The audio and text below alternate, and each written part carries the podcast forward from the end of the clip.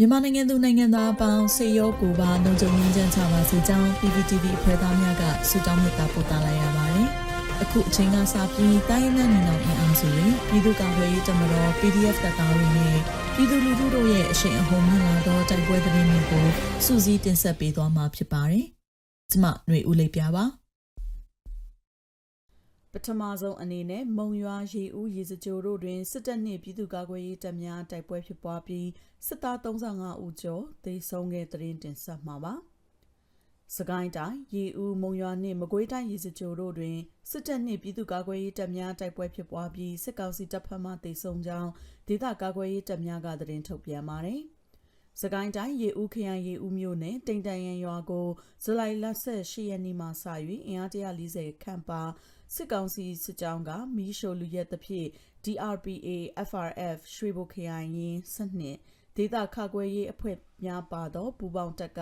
ဇူလိုင်လ28ရက်နေ့မှဇူလိုင်လ31ရက်နေ့အထိ6ကြိမ်တိုက်ခိုက်ရာစစ်တပ်ဘက်မှစစ်ဗိုလ်တအူအပါအဝင်25ဦးသေဆုံးကြောင်းဒဏ်ရာရသူများပြားကြောင်း DRPA ကသတင်းထုတ်ပြန်ပါတယ်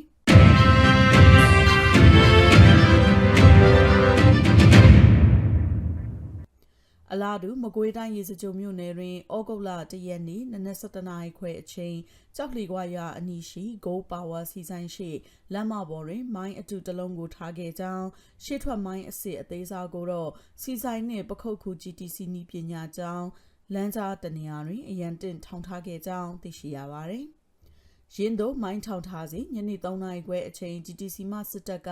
မိုင်းအထုကိုတနက်ဖြန်အချက်ပေါင်း90နီးပါးလာရောက်ပစ်ခတ်ခဲ့ကြကြောင်းရင်းနောက်ပြန်ထွက်လာစဉ်မိုင်းအစနာရောက်ဖောက်ခွဲတိုက်ခိုက်ခဲ့သဖြင့်စစ်သား3ဦးဒဏ်ရာရရှိကြောင်းသိရှိရပါတယ်။ရှေ့ထွက်မိုင်းအသေးစားဟာဖြတ်သွားဖြတ်လာပြည်သူများနှင့်အလူမီနီကတ်သွားသောကြောင့်စစ်တပ်နှင့်အနေငယ်လွှဲဖောက်ခွဲထားရသဖြင့်စစ်သားများပွဲချင်းပြီးမသေးဆုံးကြောင်းဖြစ်ချောင်းသိရှိရတာပါ။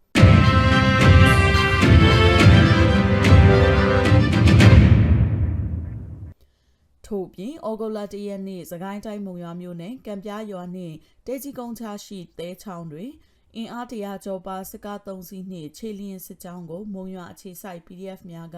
ရှေ့ထွက်မိုင်းဆယ်လုံးဖြင့်ပစ်ခတ်တိုက်ခိုက်ရာ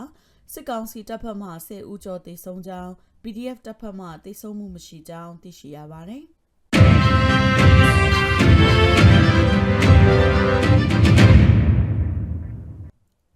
ဆက်လက်ပြီးရေစကြိုတွင်စစ်တပ်တဆွဲထားသောစခန်းတိုက်ခိုက်ခံရတဲ့သတင်းတင်ဆက်ပါမယ်။မကွေးတိုင်းရေစကြိုမြို့နယ်မင်းရွာတွင်တပ်ဆွဲထားသောအင်အား80ဝန်းကျင်ရှိစစ်သားနှင့်ပြူစောထီးများကိုဩဂုတ်လတရက်နေ့ည10:00နာရီခန့်တွင်ဒေသခံကာကွယ်ရေးတပ်ဖွဲ့များကဝင်ရောက်တိုက်ခိုက်ခဲ့ကြောင်းရေစကြိုပြည်သူ့ကာကွယ်ရေးတပ်ဖွဲ့ထံမှသိရှိရပါသည်။ အဆိုပါစစ်ကောင်စီတပ်ဖွဲ့များတပ်ဆွဲထားသောနေရာကိုပြည်သူ့ကာကွယ်ရေးတပ်ဖွဲ့ရေစကြိုမြို့နယ် People Defense Force ရေစကြိုတင်ကပ်ပြောက်ကြားတပ်ဖွဲ့ Phoenix အထူးပြောက်ကြားတပ်ဖွဲ့ YLK ပြောက်ကြားတပ်ဖွဲ့ရဲဘော်ညီနောင် PDF Young Fighter ပြောက်ကြားတပ်ဖွဲ့စသည့်မဟာမိတ်အဖွဲ့များပူးပေါင်းတိုက်ခိုက်ခဲ့ခြင်းဖြစ်ပြီးစစ်ကောင်စီတပ်ဖွဲ့ဝင်များထိခိုက်ဒေဆုံးမှုအခြေအနေကိုအတိမပြုနိုင်သေးကြောင်းသိရှိရပါသည်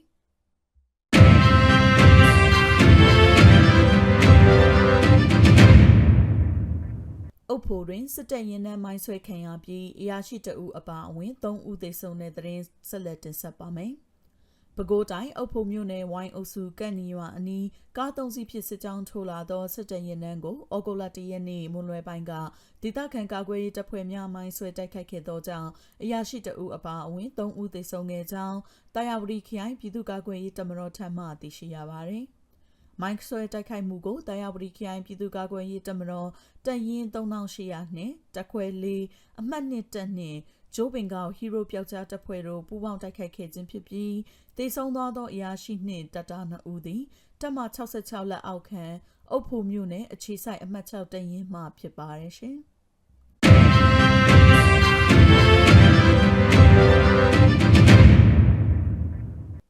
နောက်ဆုံးအနေနဲ့အမျိုးသားညီညွတ်ရေးအစိုးရပြည်ထရေးနဲ့လူဝင်မှုကြီးကြပ်ရေးဝန်ကြီးဌာနက2022ခုဩဂုတ်လ2ရက်ရက်စွဲနဲ့ထုတ်ပြန်တဲ့ပြည်သူ့ခုခံတော်လှန်စစ်တရင်ချက်လက်တွေကိုတင်ဆက်ပေးသွားမှာပါ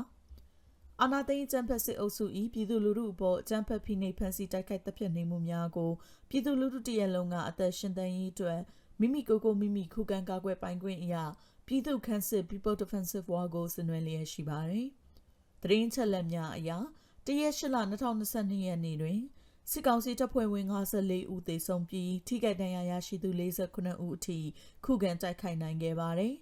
စစ်အာဏာရှင်စနစ်မြန်မာမြေပေါ်မှအပြည့်တိုင်ချုပ်ငြိမ်းရေးနဲ့ Federal Democracy တည်ဆောက်ရေးအတွက်ငြိမ်းချမ်းစွာဆန္ဒပြသည့်လူထုတပိတ်တိုက်ပွဲများကပြည်내နဲ့တိုင်းဒေသကြီးများမှာဖြစ်ပွားပေါ်ပေါက်လျက်ရှိပါတယ်။မြေပြင်မှာယခုတွေ့ရတဲ့သတင်းချက်လက်များထက်ပို၍ဖြစ်ပွားနိုင်ပါတယ်ရှင်။